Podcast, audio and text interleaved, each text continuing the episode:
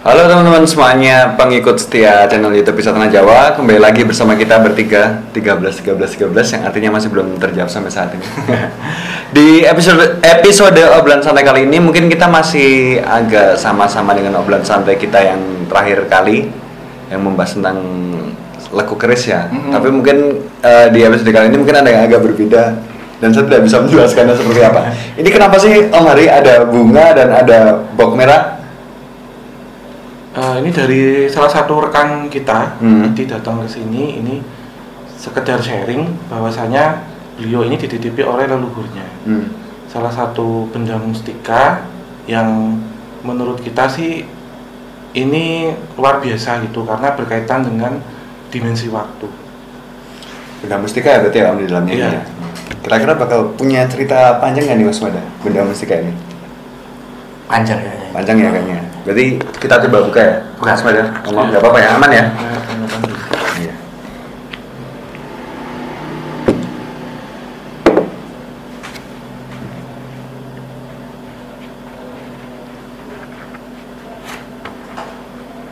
Siap. Nah, Saya taruh sini. Ini ada bunga untuk netralisir sebenarnya. Iya, biar hanya tidak begitu panas. Oh. Jadi apa nih? Emang energi yang dipancarkan itu negatif kah Om? kok panas gitu? Positif. Oh positif ya Iya, malahan ya? Positif dan khusus mustika ini itu yang dipancarkan energi positif dalam arti kalau digunakan untuk negatif dia tidak berfungsi. Seperti itu. Tadi apa namanya Mas Mada? Aku lupa Mas. Ini Mas? itu namanya timang. Timang. Sabuk timang ya? Eh, yang dipakai untuk sapu. Oh iya. Jadi ini aku angkat ya teman-teman semuanya. Aku angkat nggak apa ya Om Maria? Iya. Jadi teman-teman semuanya inilah yang dinamakan oleh sabuk timang. Ini biasanya digunakan ini ya untuk sabuk. Biasanya kan sabuk ada kayak belt kayak gaspernya gitu Gaspernya. ya. Lah kayak gaspernya. Dan ini ya, tadi aku sempat ngobrol sedikit sama Mas Mada tentang sebenarnya sabuk timang ini kegunaannya untuk apa sih? Kalau katanya sih, kata Mas Mada sih untuk isengnya, untuk hal isengnya ini katanya bisa jadi CCTV buat ngintip dan segala macamnya kayak gitu ya. Tapi apakah benar begitu? Coba kita telah sedikit sejarah sebenarnya di balik sabuk timang ini sebenarnya apa Mas? Bisa dijelaskan juga ya Mas Mada ya ini? Seperti apakah Mas ini Mas sebenarnya? Jadi timang ini ini berfungsi seperti kocopais. Kalau orang Jawa bilang kocopais. Kocopais itu semacam alat untuk penginderaan jarak jauh. Contohnya seperti ini. Saya ingin melihat Mas Genta sedang apa sekarang. Oh iya. Di mana saya lihat ini kan. Ini yang biasa dipakai, di jadikan Sini seperti ini ya. ya. Kita pejamkan mata gini udah kayak melihat ya kayak melihat tiga dimensi seperti ini. Hmm. Misal pun itu ruangannya gelap, ya tetap terang gitu loh. Kalau pada masa era perjuangan dulu ini pakai untuk strategi peperangan, mengetahui keberadaan musuh di mana, terus jumlah kekuatan musuh berapa gitu seperti itu. Jadi ini udah ada sejak zaman lama juga ya Mas? Sejak zaman kapan kah lebih ininya mungkin? Eh, ini dari para leluhur itu sejak zaman era klasik sudah ada. Hmm. Cuma merebak di kala era perjuangan itu, kolonial itu. Di dari pihak pejuang juga ada yang menggunakan seperti ini, dari pihak musuh juga menggunakan seperti ini.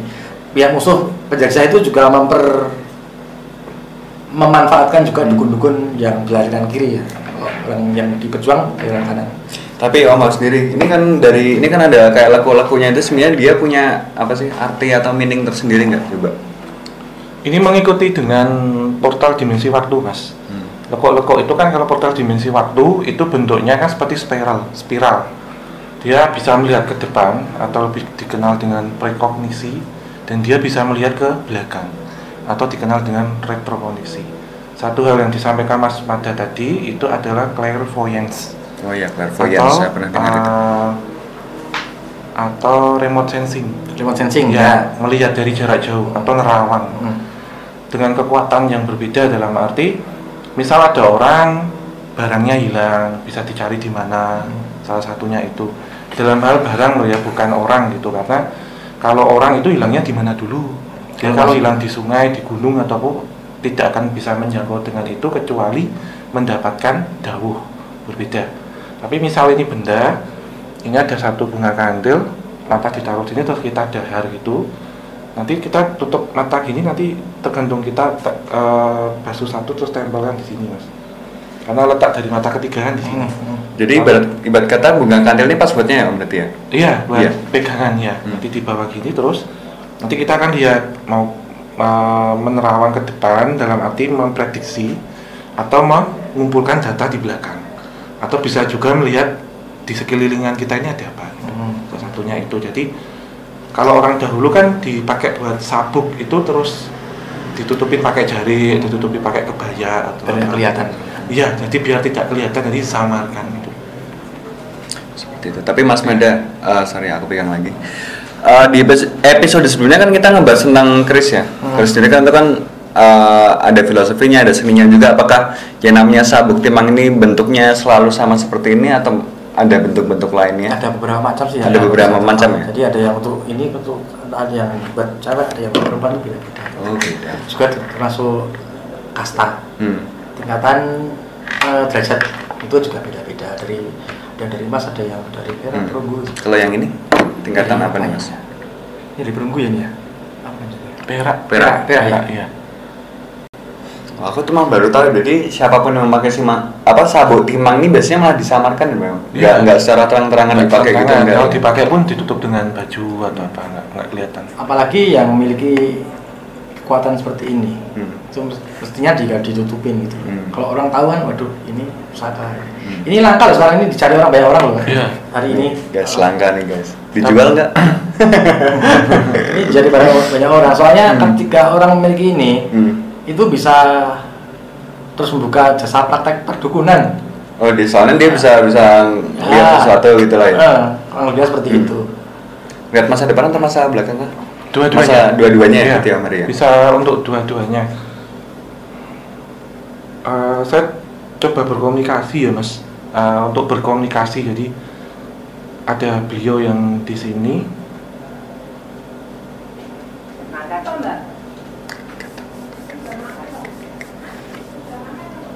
Eh, beliau memperkenalkan diri dengan Kiai Jolo Kolo Jolo itu jala. Kala itu. Kala itu waktu. Jadi jaring waktu. Sosok yang diwujudkan adalah sosok Laki-laki sepuh Berjenggot Pakai ageman seperti Sunan dulu mas Pakai Hmm. apa ini? Jubah. Apa ini mas? Celana Imam Sorban, Bojong. ya, Ya, gitu. pakai ageman serba putih dan ada bias cahaya warna putih Tongkatnya. tongkat ya membawa tongkat di bawah seperti ini dan dari tongkat itu yang memberikan sonar energi bahwasanya orang yang memegang ini itu ada tujuannya baik dan hatinya teguh lalu juga menjalankan beberapa laku prihatin dan tirakat jadi tidak sembarangan gitu melihatnya jadi serba ya. putih ya Tidak asal Mas Genta terus mendadak pegang itu terus tahu tuh. Terus enggak. bisa nggak bisa ya pasti juga pasti ada prosesnya itu. juga ya. itu.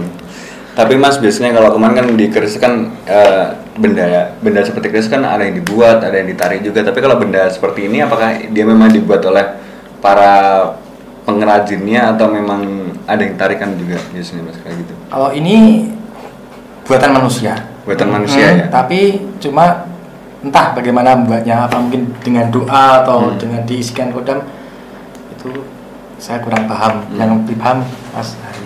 Gimana tuh? Iya, kalau ini dibuat manusia ya di ada ada pengrajinnya waktu itu dibuat sekitar ya sudah di atas 500 tahunan. Lantas benda ini kemudian berpindah dimensi dari dimensi nyata yang sekarang ini pindah ke dimensi asal. Yang setelah di sana karena bertemu dengan keturunannya dengan cucunya, lantas benda ini tampil lagi atau kasarannya keluar. Dari dari yang saya lihat itu beliaunya yang memiliki ini itu diambil dari kepala di atas ini. Jadi oleh eyang almarhum eyangnya dulu. Karena memang ini nanti akan dipegangkan oleh uh, beliau ini orang yang sekarang diwarisi. Dengan tujuan baik dan dengan pendampingan yang cocok juga. Karena kalau salah pendampingan pun tidak kemudian bisa mengamalkan tetapi malah justru bendanya bisa hilang nanti. Yang yang di saya saya dapat info itu seperti itu. Jadi kan kalau mustika atau pusaka itu kan kita lihat dari karomahnya kemudian asal usul sejarahnya dari siapa. Yang terakhir adalah kodam dan fungsi. Ini mel- meliputi empat itu sih untuk analisisnya seperti itu mas. Gitu ya. Jadi kalau orang barat tuh sekarang menemukan Google Street View, kita sudah punya dari 500 tahun lalu sudah ada seperti ini ya. Oh jadi ini juga berfungsi seperti Google Street View juga. ya? Iya, itu kan pelopornya yang Iya, tadi yang sensing tadi loh. Nah. Ah, lihat dengan tiga dimensi itu. Hmm. Bahkan kalau kalau tadi saya bilang kondisi gelap apa pun itu tetap tembus, loh, Iya, tetap terang loh. Iya. Tuh. Karena berkaitan dengan aura dan mata batin. Hmm. Ya. Dan malah kalau melihat lebih tempatnya tenang, Tenang, terus kayak ya. apa apa ya. Kebanyakan tidak disalahgunakan ya mas biasanya kalau kayak gini. Kalau ada beberapa macam kalau sa- setahu saya ya. Kalau Iya. yang ini kayaknya untuk mengintimin orang mandi nggak bisa ini. Ya. Tujuannya positif. Hmm. ya memang ada yang dipakai Hmm. untuk remote uh, seeing untuk melihat seperti itu. Jadi posisi orang sedang apa itu bisa. Ah, Hmm. ada ya seperti itu. Cuma itu negatif ya kayaknya ya. Ya. Ya. Kepo berlebih lah ya. uh, layaknya kalau kita kenal itu kotak Pandora. Tak Pandora. Pandora. Kotak Pandora. Jadi dimensi waktu itu sejatinya adalah seperti spiral. Jika dia berlawanan dengan jarum jam, maka mundur atau retrokoneksi. Jika dia searah dengan jarum jam, maka dia maju atau prekognisi itu. Jadi saya tuh agak curiga bahwa teknologi yang ada di dunia saat ini itu adalah sebuah teknologi kuno yang dimiliki oleh Jawa, tapi kemudian diadopsi mereka dengan kemajuan teknologi. Ya dikembangkan oleh mereka. Ya, lagi karena apa? Karena eh, banyak kitab-kitab kita itu dibawa oleh Eropa waktu itu ya, dia. Iya, dibawa ke Hmm. barat. Terutama ketika masa perang masa geger Spei. Nah, itu ada sekitar tujuh hari berturut-turut kitab-kitab kuno Jawa itu dibawa pakai pedati itu dari keraton ke Gedung Agung kantor residen waktu Hmm. itu. Nah itu saya pikir banyak ilmu yang kita tidak tahu di situ, Iya. termasuk teknologi-teknologi masa lalu yang pada akhirnya mereka aplikasikan. Bahkan kita sebagai orang Jawa sendiri mah mungkin nggak tahu ya mas. Tidak ad- tahu. Isi dari kitab itu sendiri mungkin apa ya? Tidak pernah, belum pernah tahu ya. Hmm. Suatu saat mungkin bisa tahu tapi enggak entahlah. Iya. Seperti itu. Pemikiran saya seperti itu. Ya, tapi ya, mungkin- ya bisa jadi juga ya Om Hari ya. Mengingat peradaban kita juga udah cukup lama juga gitu kan. Dan banyak keajaiban-keajaiban juga di Pulau Jawa. Karena dari tadi saya membayangkan membayangkan benda ini tuh kayak gimana ya? Betapa powerfulnya orang Jawa dulu ketika dia dalam sebuah beskapan pakaian itu dari ada yang namanya keris, ada yang namanya ini mungkin ada yang namanya lagi juga. Semuanya punya fungsi fungsinya sendiri-sendiri ya berarti ya. Luar biasa. Luar biasa. Coba kalau sekarang itu masyarakat mas, pada masa sekarang itu seperti itu apa Indonesia itu apa enggak jaya sekali kan gitu. Ya sayangnya juga ya. Aku sebagai anak muda, anak muda, anak muda aja aku malah baru tahu ini sih aku jujur. aku baru tahu ini sekali. Sabut timang, sabut timang. Kemarin sempat baca beberapa komentar tapi jujur aku baru baru baru tahu dan lihat bentuknya ini sekali kayak gitu. Kalau batu-batunya ini apa maksudnya nih? Iya, ini apa Mbak nih? Kan kalau nggak salah ada kayak batu Iya. berliannya ya. Ini Iya. bentar, aku tunjukin kamera bentar. Iya. Kalau batu-batu yang dimaksud itu sebenarnya boleh dibilang seperti penguat sinyal. Hmm. Jadi memang ada beberapa batuan itu entah itu intan, entah itu berlian, kemudian germanium itu memang ada beberapa sinyal yang bisa diper- di- dipancarkan karena batu-batu itu kan ada gelombang elektromagnetik. Hmm. Ada proton, ada elektron. Itu yang kemudian mereka akan mengeluarkan vibrasi atau getaran. Dari getaran ini seperti layaknya kita sedang browsing atau menggunakan telepon genggam mas. Ya kayak tadi mungkin Google Street View. Sure, ya. karena kan kita pakai kuota. Hmm. dan dari batu-batu itu kenapa disematkan. Bahkan ada yang permata ada berlian ada germanium dan macam-macam. Dari batu-batu itu lantas energi ini menyebar dan memperkuat sinyalnya. Karena orang yang diger- digerakkan di sini adalah menggunakan alam bawah sadar. Lalu yang kedua menggunakan bioenergi dan medan elektromagnetik sehingga dari residual energi alam semesta ini bisa diputar bisa diputar ke depan bisa diputar ke belakang atau dia mengirim mele- melewati gelombang yang memancar di udara itu untuk mencari lokasi mas untuk searchingnya Hmm. secara itu karena sejatinya semua manusia itu kan punya bioenergi dan dia selalu memancarkan gelombang elektromagnetik Frekuensi ya. Ya, jadi ini seperti menjadi piranti waktu itu untuk memperkuat sinyal. Saat orang ini untuk melihat menerawang, untuk melihat ke depan, untuk melihat ke belakang itu seperti apa, berdasarkan pola dari spiral dimensi waktu, energi eh, residual energi tadi. Jadi kayak batu-batu ini sebenarnya juga dia punya power sendiri ya berarti ya Iya, Ari ya. Dia punya pasti punya peran besar juga dalam musika ini ya. Iya. Gitu Iya. ya Mas Made. Apa dulu Prabu Jayabaya punya seperti ini? Ah, sepertinya Nah, ini beliau pertanyaan bagus. sepertinya beliau memang iya mas selain ada di Gesper di Sabuk ada di Mahkota. Iya. Ini powerful ya. iya Mahkota kadang ada yang bentuk berlian hitam atau berlian biru. Hmm. yang itu kemudian bisa membuat orang tuh waskito dalam arti di sini mensupport. Karena bebatuan itu kan ada yang pakai giok atau apa saya mungkin pakai ini kan dia. Iya, iya, iya. kemudian bisa memberikan satu recharge energi baru dan dari gelombang-gelombang ini bisa terpancarkan melewati aliran darah sampai ke otak kemudian lebih segar untuk berpikir gitu untuk menerawang untuk melihat seperti itu. Hmm. Tapi pastinya Prabu Jayabaya pasti lebih daripada menggunakan ini aja Ya. pasti kan ya karena ya terbukti juga ramalannya juga banyak terjadi Ah. gitu kan. Tapi kan tidak Terus mata-mata terus Ah. ya, menggunakan juga pasti ada kayak lelaku-lelaku khususnya juga ya Mas Manda ya kayak gitu ya. Kalau ka- tak kayak gini kira-kira sirik enggak ya? Apa? sirik enggak kira-kira? ya tergantung kegunaannya sih sebenarnya sih ya. Kalau menurut saya piranti sih mas Hmm. peralatan ya. Peralatan ya, equipment ya. Ya bukan ya kayak kita pakai ini HP HP.